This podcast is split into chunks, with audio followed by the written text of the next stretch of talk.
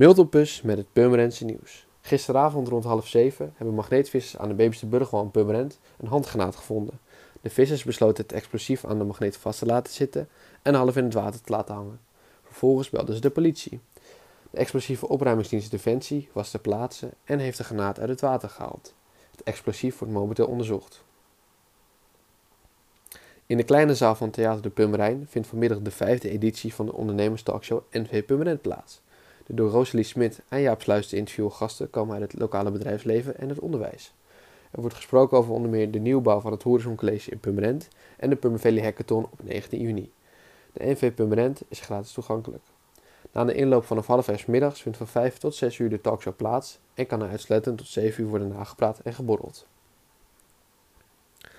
In de tuin van Zorgcirkel Jaap van Praag, Rietgorsplein 1, wordt zaterdag 22 juni van 11 uur ochtends tot 3 uur middags een zomerbraderie gehouden. Er zijn diverse ondernemers en hobbyisten te vinden die hun koopwaar aan de mannen komen brengen. Er is onder andere een kraam met cadeauartikelen, zelfgemaakte kaarten en sieraden. Bezoekers kunnen ook een gokje wagen in de loterij. De opbrengst van de markt zal ten goede komen aan de bewoners van het Jaap van Praag.